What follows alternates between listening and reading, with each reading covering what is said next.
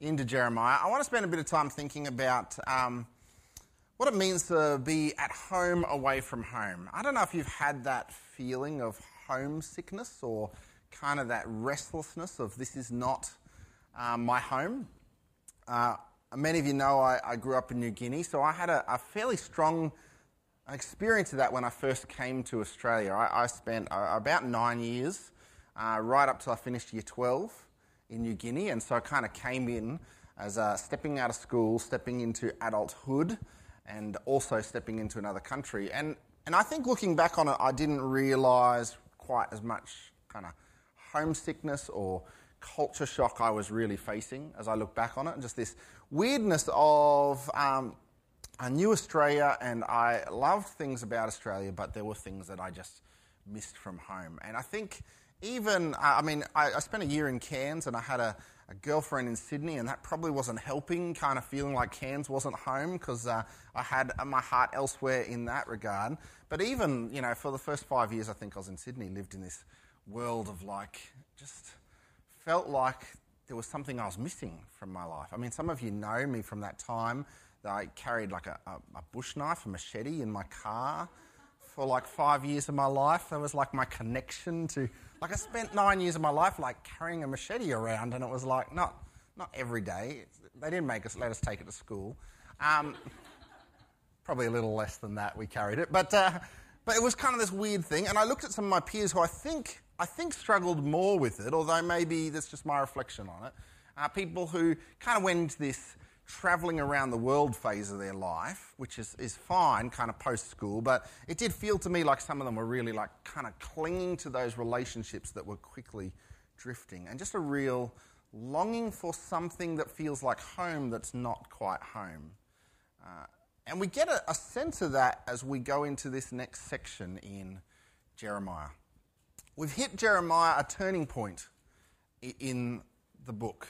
Uh, Jeremiah has spent 25 chapters. In fact, we're told in chapter 25 that he spent 23 years preaching that judgment is coming.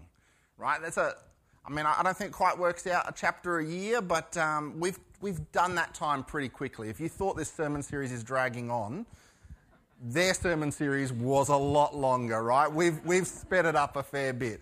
So, 23 years he's been saying judgment is coming.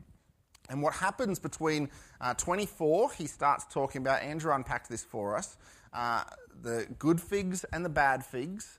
Uh, starts talking about exile and says there's going to be good figs. They're going to be the ones that go into exile. The bad figs are actually going to be the ones that stay in Jerusalem. And by the time we get to chapter 29, uh, Rachel led, read the title of that section, A Letter to the People in Exile, right? That is what's happened. We've gone from we're going to go into exile to we're in exile. Um, and there's no real clarity on when that happens, right? Somewhere between 25 and 29, we've moved from coming judgment to now we are the people in exile. So that's the shift. We're going to take that little bit of that transition, and, and there's this home away from home that kind of happens in that process. We got God's people who have been taken out of the promised land. And so they're in this new land, and God is actually saying to them, This is going to be your home for 70 years. And so there, there's a wrestling that they need to do with that. And I want to think about that for us. I want to think about two things this morning. I want to think about true home versus a false home. But I also want to think about a true hope versus a false hope. That is, when we over realize what home looks like and we hope for things that actually God hasn't promised us. So, a true hope and a true home is what we're going to spend some time thinking about. And we're going to unpack it from this section. But I want to update you on kind of the whirlwind story that happens between 25 and 29. Because between those chapters, in this transition, there is a war of prophets that goes on. Right? It seems like there's a few prophets, not just Jeremiah. Jeremiah's there, he's been preaching, it's 23 years, a lot's been happening, but he's not the only kind of prophet that's around. And, and it's not surprising when he's preaching judgment, turn to, turn to God, or you're going to face judgment. It's not surprising that that is not well received. So we get Jehoiakim, uh, Jehoiakim, the, the king at the time, so angry that Jeremiah is preaching these things that he decides he's going to kill Jeremiah. Right? Jeremiah has this, this great moment, right? This is a moment, a moment for, a, for a prophet where they, they're going to kill him, and he says, You can kill me, but you'll bring innocent blood on the hands of you and this city. Right? Kind of, this is, this is a moment for a prophet, say words like that, and the king goes, Oh, yeah, you're right, I don't want that. So, uh, so he, he stopped, he decides not to punish Jeremiah. Meanwhile, we've got another prophet, Uriah. Uriah, we're told, is saying the same things as Jeremiah. Except when Jehoiakim threatens him, he races off to Egypt. Uh, Jehoiakim sends a guy off to Egypt for him, drags him back to Jerusalem. Uriah doesn't have that great prophet moment where he says, Don't kill me, you have innocent blood on your hands, and just he is killed, right? Uriah's done. Meanwhile, we've got a third guy, a Ahikam, not quite sure what he has done other than the fact they want to kill him and he says, I'm with Jeremiah. And we just get this one verse that says, so they didn't kill him. And so he's fine. And so we've got this kind of weird, it's dangerous time to be a prophet. But at the same time, there's false prophets who are actually saying things that uh, the people like. Uh, and so we get this great battle between Jeremiah and the prophet Hananiah. Right? This is the scene. We're told Jeremiah is told by God to build a yoke, a wooden like yoke, a, an oxen yoke. We're not told he wears it, but I mean, let's face it, he's an Old Testament prophet. If he's not wearing that thing, walking around preaching judgment, he's really not an Old Testament prophet, right? This is, this is the picture you get of Old Testament prophet. Hanging a big yoke on his shoulders saying, judgment's coming. That's the picture. Except what he's saying at this point is judgment has come. He's wearing a yoke and he's saying, accept the yoke of Babylon. That's Jeremiah. He's walking around saying, accept the yoke of Babylon. You want to be these good figs in exile, accept the yoke of Babylon, live righteous lives in this 70 years. And great news after 70 years, God is going to bring you back to Jerusalem. So that's his message. It is a message of hope. It may not be the message of hope Israel wants, but it's a message of hope. He says, you can live a good life as these exiles, and God has his future promise. Hananiah, on the other hand, does not like this message. It is not enough hope for him. So we get this scene where Hananiah comes in and we're told he smashes this wooden yoke, right? Once again, great Old Testament prophet glory moment, right? Smashes this wooden yoke and says, No, I have a new prophecy from God. Two years, and we're going to be back in Jerusalem. Forget this 70 years, forget this wooden yoke, two years. So Jeremiah ups his game, although we're not told he makes this one, which is very disappointing, but he comes back and says, You don't like the wooden yoke? Fine. God is going to give you a yoke of iron. Come on smash that, right? Like that's his like in his face, and you get this face off, and then we get kind of Jeremiah's final moments where he says, "You know what? This is just a prophet's moment." He says, "We'll just see who's right." Oh, and by the way, God mentioned you're going to die this year. Right? I think that's like the mic drop moment for a prophet, where he's like, "I'm out." Like that's the chair in WWF. Like it's like we are done here see what you've got left, right? And, and that's what happens. We, we see what happens. 70 years exile, as Jeremiah prophesied, and Hananiah does not live through the year. We're told by the seventh month he dies. That's the scene that we've had play out. This is the wrestle that not just between these two prophets, but the wrestle for God's people. They've been given this hope. The hope is you can live a good life in this land. I mean, we read it in chapter 29. Plant gardens, build houses, have children, get married, right? This is the, the call to them in exile. They can have a good life, and there is a future hope. In 70 years, they can go back. You can see how that is not an ideal hope for them, right? 70 years is a pretty long time.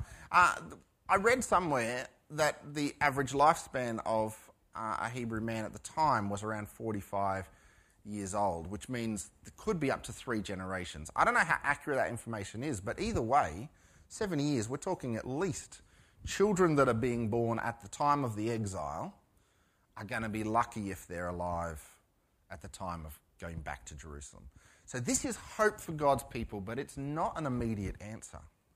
And you can see why uh, the desire to follow a guy like Hananiah and say, Great, I like what he's saying. I don't like what Jeremiah is saying. I like what he's saying. Two years, we're back. And you can see this challenge. You can see why they might grasp onto this. The problem is it's not true. The problem is it's a false hope.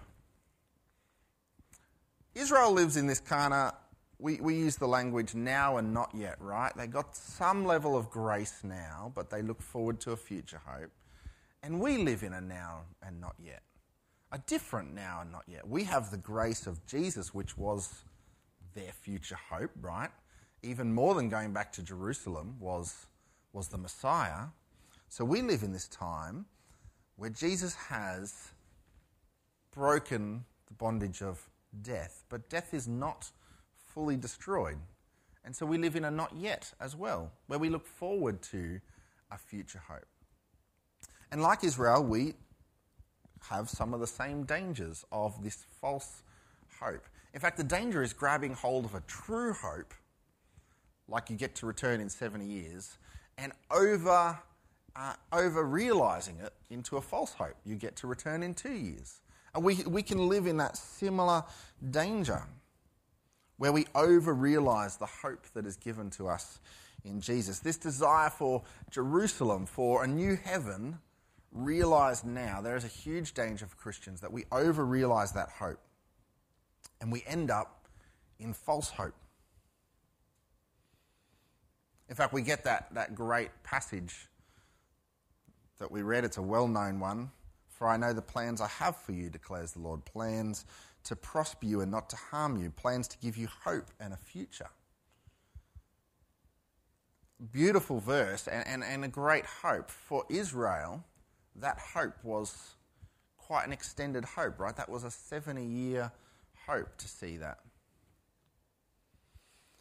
And I, I, don't want to say don't grab hold of that verse and hold on to it as a great hope. It is a great hope. But for us, that hope, that great future that Jesus really offers, is partially realized in what Jesus has done on the cross, but fully realized in heaven, in glory. And we want to hang on to that hope and not over realize a true hope and make it a false hope. We live in a world where we, just like Israel, suffer the consequences of sin. That's why they're in exile. And we live in that same struggle. And we want to make sure that we have a true hope. For example, I think a, a, a, challenge we have sometimes that sends us to a false hope is this idea we live in victory in Jesus, but when that is over realized, we get to a place where we, we try to force that complete victory in our lives today. Sometimes that's referred to as triumphalism, this idea of over realizing the victory in Jesus. Uh, you, I, have heard um, preachers say it. If you are facing suffering now in your life. God doesn't want that for you. You're not living in complete victory. And you need to solve that so that you can live in complete Jesus, victory. Jesus wants you to live in complete victory. And so there's this over realization of this hope and, and, and almost a discouragement that if you are facing suffering, that maybe you're doing something ungodly in that moment. Or maybe you are doing something ungodly in that moment, but that is not necessarily what is causing the suffering in your life. Here's true hope. Jesus talking to his disciples right before he goes to the cross, right? Serious suffering is coming for him, uh, and he's not sinning. Serious suffering is coming for his disciples, and this is what he says In this world you will have trouble, but it comes with a hope. But take heart, I have overcome the world. Here's what Paul says when he's talking to the church in Rome. He talks about a hope a victory in Jesus. This is what he says In all these things, you are more than conquerors through Christ who loved us. What are all these things? What are all these things he's saying that we are more than conquerors? Suffering are all these things. This is what he says earlier in chapter 8. I consider that our present sufferings are not worth comparing with the glory that will be revealed in us. He doesn't say the sufferings is going to go. He doesn't mean we're complete con- more than conquerors that the suffering will disappear. He says the glory that's going to be revealed in us will just make them disappear completely. They, they will be overshadowed by this glory. He goes on to say the whole world is groaning, right? This suffering, but not just the world is groaning. This is what Paul says. We ourselves, who are the first fruits of the Spirit, groan inwardly as we wait eagerly for our adoption to sonship, the redemption of our bodies. He says, even those who are in Christ are suffering, are groaning. We look forward to this redemption of our bodies. There is true hope here, but we don't want to over realize that. There is true hope that God is going to be revealed in us, but there will be suffering. There is true hope that there will be redemption of our bodies, but there is a time where our bodies are still in this broken state. Listen to some other hope that Paul gives us in chapter 8 of Romans. Verse 26, he says, God helps us in our weaknesses. Verse 28, he says, God works for the good of those who love him and are called according to his purposes. Verse 38 to 39, he says, Nothing can separate us from the love of God. This is true hope, not that suffering will go away, but that God is there with us in that. And unlike Hananiah, we don't want to grab that hope and force it unnaturally in a way that God hasn't planned into our lives today because we will end up discouraged, we will end up frustrated, we'll end up lost. It's not true hope. Another false hope we sometimes run to as Christians is this um, kind of this uh, desire to experience the extraordinary supernatural on a regular basis.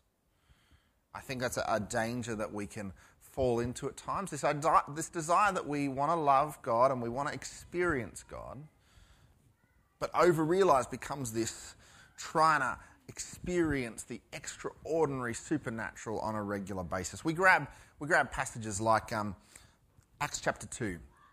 Uh, it's Pentecost, and, and the Holy Spirit has been poured out on God's people, and, and uh, they start speaking other languages. Uh, well, they start speaking, and people hear it in their own language. We're told they hear them proclaiming the goodness of God. And Peter gets up and explains what's happening, and he quotes Joel. And this is, this is one of those verses. He says, uh, This is the prophet Joel quoted by Peter. In the last days, God says, I will pour out my spirit on all people. Your sons and daughters will prophesy, your young men will see visions, your old men will dream dreams. Even on my servants, both men and women, I will pour out my spirit in those days, and they will prophesy. All right, this is an Old Testament prophecy that Peter says has become the now with Jesus. And there's a danger we grab onto that and we start trying to work that out in kind of everyday life all the time and, and trying to force this extraordinary, extraordinary supernatural experience. Now, now let me be clear. I'm, I'm confident that God has poured out His Spirit on all people. It's not just this group that Peter's talking about, but all people who are in Christ. God's Spirit is poured out on them. And I'm confident that God still manifests His Spirit in powerful ways like prophecy and visions and dreams today.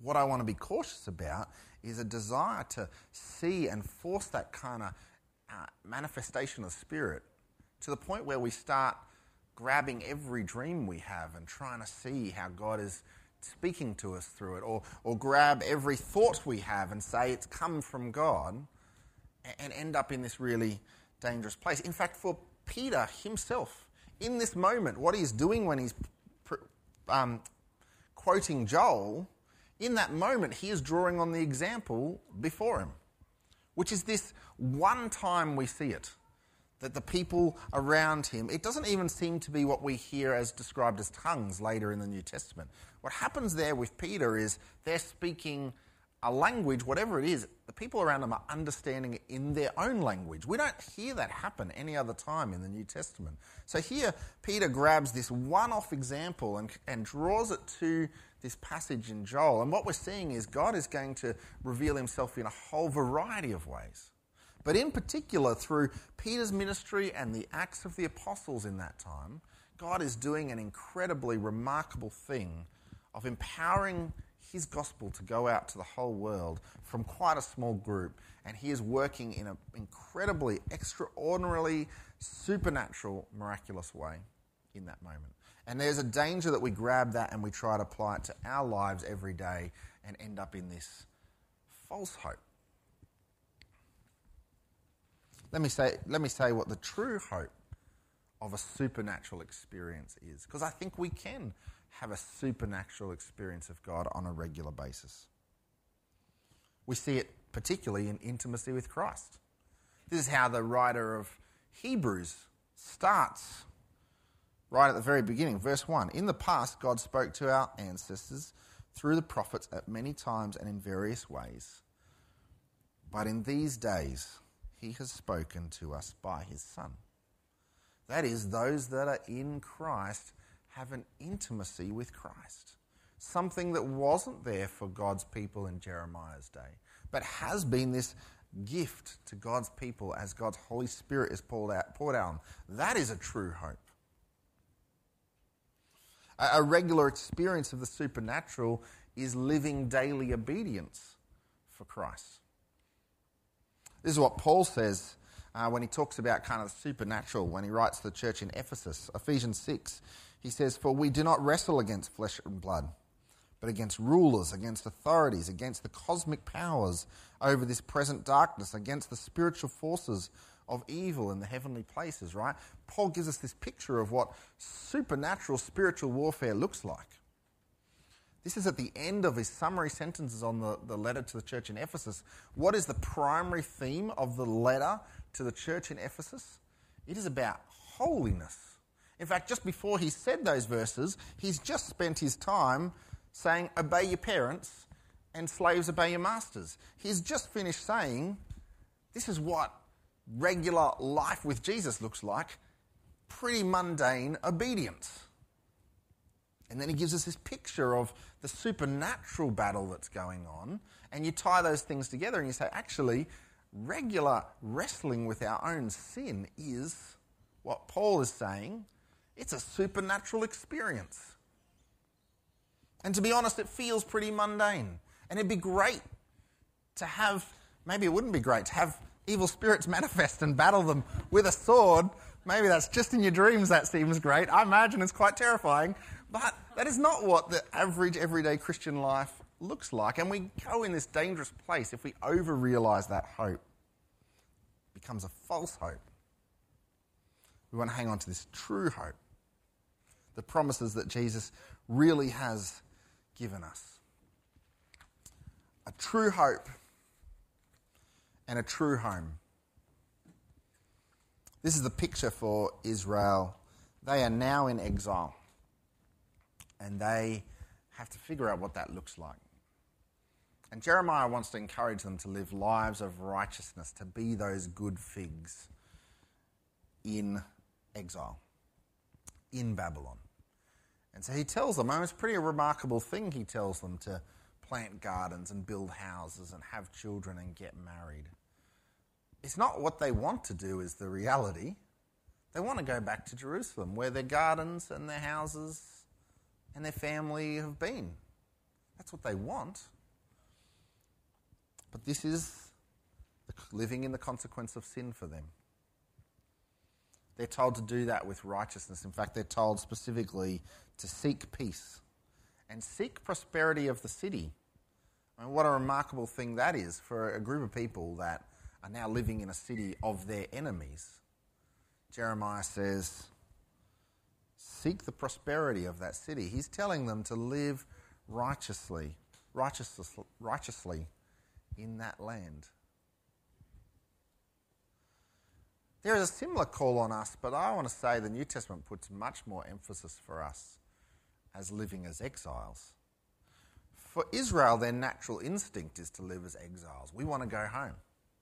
For us, I think our natural instinct is often to live like this life is our home. And so the New Testament doesn't want to encourage us to do that. The New Testament wants to encourage us to do focus on heaven as our home. And so we get passages like Peter who writes and says, talking about living righteously, he calls us foreigners and exiles. He says, as foreigners and exiles, abstain from sinful desires. He actually uses that word, exiles. He, he draws on that picture of God's people in Babylon. And, and now we put that on ourselves and say, we are like these people living in Babylon, living for this future, this future Jerusalem. We were encouraged last week to think about how our homes are, are, are hubs of evangelism.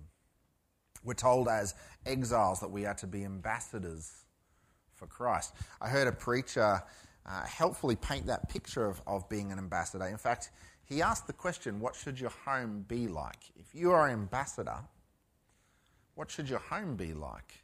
Um, and he used the image of saying, Your home should be like an embassy. What, what's an embassy? It's an ambassador who's living in another country. An embassy is like a hub of their home country, right? It's, it's a safe place representing their home country. You imagine in an embassy, there's things that reflect their home country. And so, as ambassadors of Christ, our homes should be embassies, should be places that reflect our true home in heaven. And so we want to live as aliens and foreigners and exiles in this world. Let me um, tell you a little bit about what has been on my heart as I've reflected on this last week, but also last couple of weeks, and then, and then I'll finish up. Um, we are working as a, a, ministry team towards kind of our, our vision for the next five years. Um, we set a vision a few years ago for 2020. I think all churches really liked the phrase 2020 vision, and so they did that. We did that. Uh, we're now 2020. No one planned 2020. Uh, we, we, we kind of wish we had skipped that one and gone straight to 2021. Um, but we are in a place where we're saying let's reassess what things look like for the next five years. Our previous plan had church planting and revitalising and things like that in it. Now let's think about the new plan. A part of that is the diocese has sent us some data on the growth in our area and projected growth. But to be honest, I don't think we need data. We can drive the area, we can see what's happening. Houses are going up everywhere, multiculturalism is increasing. Uh, in fact, the big thing we're seeing and the, on metrics, and, and I know immigration, COVID has changed some of this, but particularly multicultural in our area, and particularly uh, migration from uh, the subcontinent, from India uh, particularly, but also Pakistan and that area of the world, people moving into this area. In fact, I don't know, your kids in school, or if you're a teacher in, in a school, you see that kind of changing. Last year, I think um, Olive in her kindy class was the only Protestant scripture kid in her kindy class, and the majority were Hindu um, in that class. And so that's kind of the, the, trend. The other kindy classes were not quite as heavily weighted that way, so it was unique to her class, but it's clearly a common trend. What that means for us as we navigate what being on mission looks like is that we're going to have this cross cultural, multicultural going to people in our area. Now, I wonder what that means, or you think means for you, or you think about that. Um, if God calls you to another country, uh, there's a place in you that you process that, right? And you say, I've got to immerse myself in that culture, come to love that culture so I can love those people. Uh, the truth is, God is calling us as a church to reach people that are different cultural background. To, to be honest, for us here, the majority of us in this church. And that is something that we need to process. What does it look like to live as ambassadors for Christ? What does it look like to live as if we're at home away from home? That our homes here are an embassy for Christ. It is going to mean embracing things that maybe were not our normal things to embrace. It is going to mean going in quite an emotional sense, maybe in a physical sense, in different different things. That uh, I think um, Tom at 8 a.m. made the comment that someone had said. Um, because the church hasn't gone, God has sent the people to the church. So uh, we're forced to go whether we want to move our feet or not. Uh, there is a sense where that is true.